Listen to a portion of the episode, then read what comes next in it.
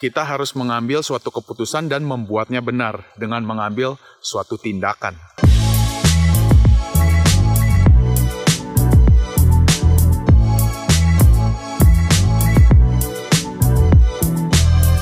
Hai, Maka Ginato di sini. Saya sekarang berada di Bucat Garden di Victoria Island di Kanada. Saya sedang berlibur dengan keluarga saya tercinta. Ini tempatnya sangat amat bagus. Sekarang bulan Desember, jadi dalam waktu beberapa hari saja uh, tahun ini telah berakhir 2018 dan kita akan segera memasuki tahun 2019.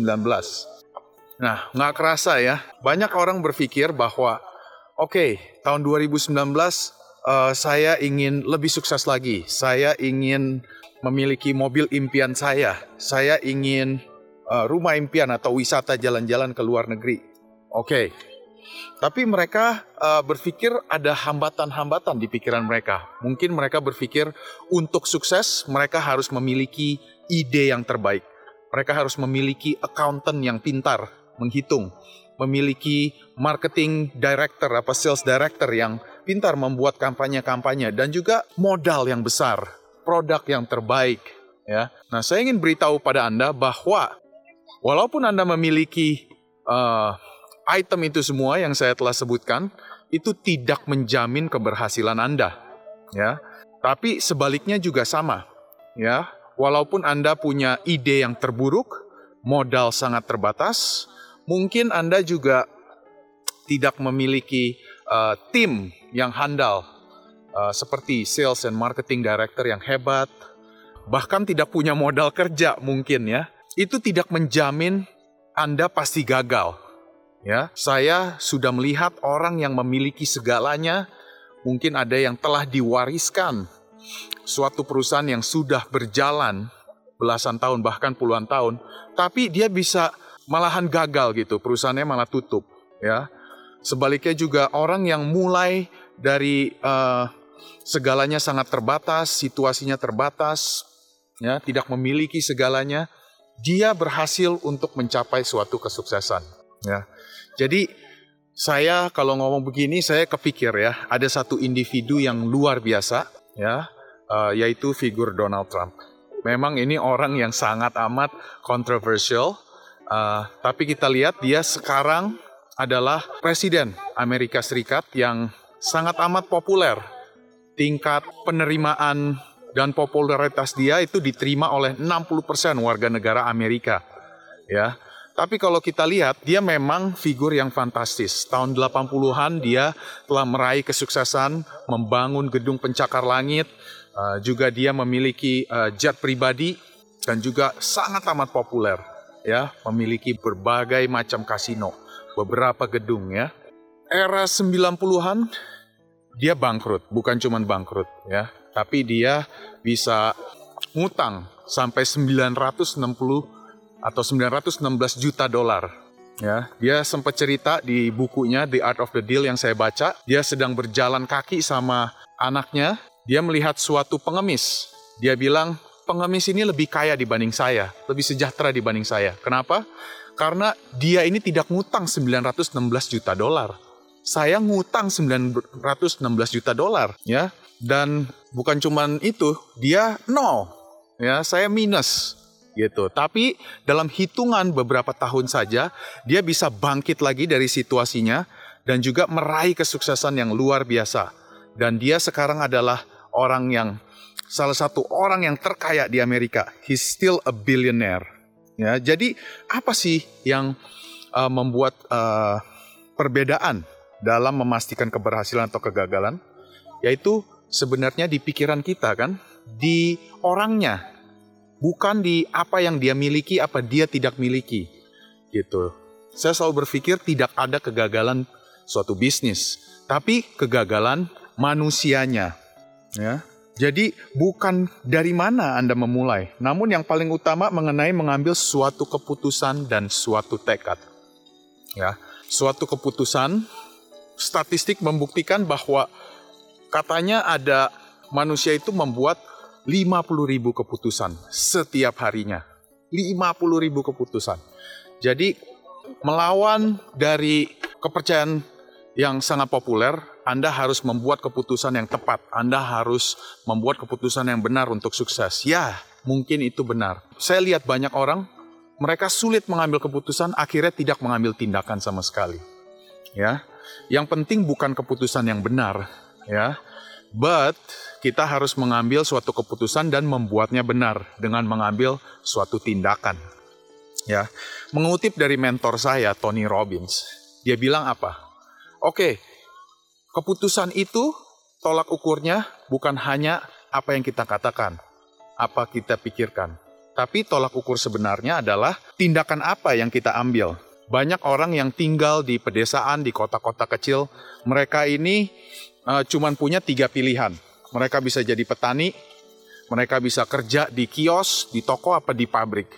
Ya, mereka hidup puluhan tahun hanya dengan pilihan itu saja. Nah, ini yang sangat amat menyedihkan karena mereka ini tidak bisa think outside the box. Mereka tidak berani mimpi. Dan orang-orang di sekitar mereka bilang, janganlah bermimpi. Sudahlah, pilihan Anda cuma tiga itu. Nah, sayangnya hidup mereka ini terbatas sekali. ya. Dan saya nggak ngomongin uh, dunia politik karena I'm not into politics. Kalau kita ngomongin uh, suatu figur yang come to mind, saya ingat Jokowi. Ya, Jokowi adalah presiden Indonesia ya yang asal muasalnya itu dari Solo, kota kecil dan dia itu pengusaha mebel. Ya, bukan pengusaha mebel yang besar sekali gitu ya. Tapi dia berhasil mencapai impian dia, masuk ke, ke dunia politik dan berhasil uh, menduduki posisi tertinggi yaitu presiden Indonesia. Ya, banyak orang yang ragu sama dia, ya. Tapi dia tidak mau situasi dia itu terbatas dari uh, impian dia terbatas dari situasi dia. Akhirnya dia meraih kesuksesan. Ya jadi mereka dapat merubah perubahan nyata ya dengan membuat kembali lagi suatu keputusan bukan cuma suatu keputusan mereka tekad dan juga take action pada saat saya roadshow keliling Indonesia ke kota-kota kecil banyak orang menghampiri saya dan uh, bertanya pekerjaan saya dan juga bisnis saya, investasi saya, saya tinggalnya di mana, ya. Dan saya suka bilang sama mereka bahwa mereka pun juga bisa meraih kesuksesan yang saya telah dapatkan, ya. Mereka hanya bisa wishing, wishing, wishing, tapi mereka nggak mau berubah. Mereka hanya mau saja gitu loh.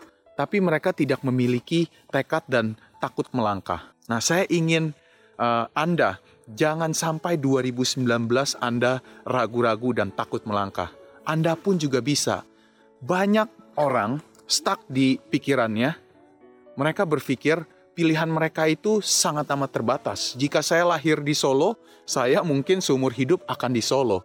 Ya, jika saya lahir di Jogja, saya seumur hidup pilihan saya sangat amat terbatas di Jogja. Dan itu tidak benar ya. Sebagai uh, orang yang ingin sukses, ada yang mau jadi business owner, entrepreneur, and lain sebagainya, kita harus menolak pikiran yang terbatas, membatasi pilihan kita. Kita harus membuka opsi-opsi kita. Ya tentu mungkin uh, jika Anda tidak sekolah pilot, nggak bisa tiba-tiba, oke okay, saya mau jadi pilot. Atau mungkin saya mau jadi uh, tukang operasi jantung. ya. Tapi kan kita bisa uh, memilih, oke okay, saya bisa jadi CEO. Saya bisa jadi pengusaha yang sukses memberkati jutaan orang ya seperti saya pada uh, sekitar tiga tahun empat tahun lalu untuk mengambil keputusan ya keluar dari dunia uh, profesional untuk menjadi pengusaha terus terang saja saya ini tidak punya pengalaman di dunia jaringan network marketing sangat amat terbatas sekali ya tapi saya tidak membiarkan keterbatasan saya itu membatasi kesuksesan saya. Saya melangkah, ambil langkah kecil, ya, one day at a time, dan saya belajar memperbaiki diri saya terus sampai saya bisa meraih kesuksesan. Buktinya belum sampai tiga tahun, perusahaan health and wellness yang saya mulai, Gin Internasional, telah memiliki 35 ribu member seluruh Indonesia. Ya, saya juga uh, sangat bangga karena kita juga telah menerbangkan ratusan orang untuk wisata, jalan-jalan ke luar negeri, ya kita sudah ke Bangkok, kita sudah ke Shanghai, Korea Selatan, naik Royal Caribbean Cruise, kita pernah ke Singapura, dan juga kita barusan saja ke Hong Kong, Shenzhen, Macau. Ya, dalam waktu nggak nyampe tiga tahun. Semuanya perusahaan yang bayar secara gratis. Jadi tiket, uh, terbang, kapal pesawat, hotel, turnya, semuanya company yang handle. Ya, dan saya juga telah berhasil membantu ratusan anak-anak yatim dapat pendidikan dan juga dapat sembakau dan lain sebagainya melalui yayasan saya yang saya dirikan. Itu namanya Blessmore Foundation. Ini semua nggak mungkin terjadi jika saya berpikir kecil, jika saya takut bermimpi dan membatasi saya punya hidup, oke, okay? berdasarkan masa lalu saya. Dan saya mau Anda semua juga di tahun 2019 meraih kesuksesan. Caranya gimana? Nomor satu, jangan takut untuk melangkah. Keterbatasan Anda semua itu jangan menjadi batu sandungan untuk Anda melangkah. Malahan Anda ini sebenarnya memiliki segalanya. Nomor satu, pikirlah positif, Anda pasti bisa. Nomor dua, kita harus jelas kita maunya apa yang kita mau raih di 2019. Oke? Dan juga kita mengambil tekad untuk merealisasikannya. Number three, Anda harus take action. That's it. Ya, nggak usah terlalu complicated. That's it. Ya, dan saya yakin jika Anda memulai 2019 dengan tekad, ya, dengan goal setting yang benar, saya yakin Anda pun akan meraih impian-impian Anda di 2019. Oke, sekian dari saya. Saya harap bisa berharga ya buat Anda semua dan bermanfaat dan see you in my next video. Oke, salam sukses dan sejahtera.